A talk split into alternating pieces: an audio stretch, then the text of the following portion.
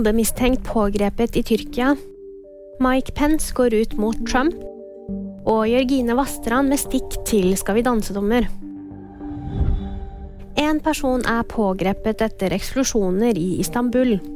Tyrkias innenriksminister mener det er det kurdiske arbeiderpartiet PKK som står bak søndagens angrep. De er bl.a. terrorlistet av EU. USAs tidligere visepresident Mike Pence sier at Donald Trump valgte å være en del av problemet under kongressstormingen. I et intervju med ABC News sier Pence bl.a. at den daværende presidentens ord var uforsvarlige, og at han satte Pence, hans familie og alle som var i kongressbygningen, i fare den 6. januar i fjor. Influenser Jørgine Vastrand gikk ut mot Skal vi danse-dommer Trine Deli Kleve.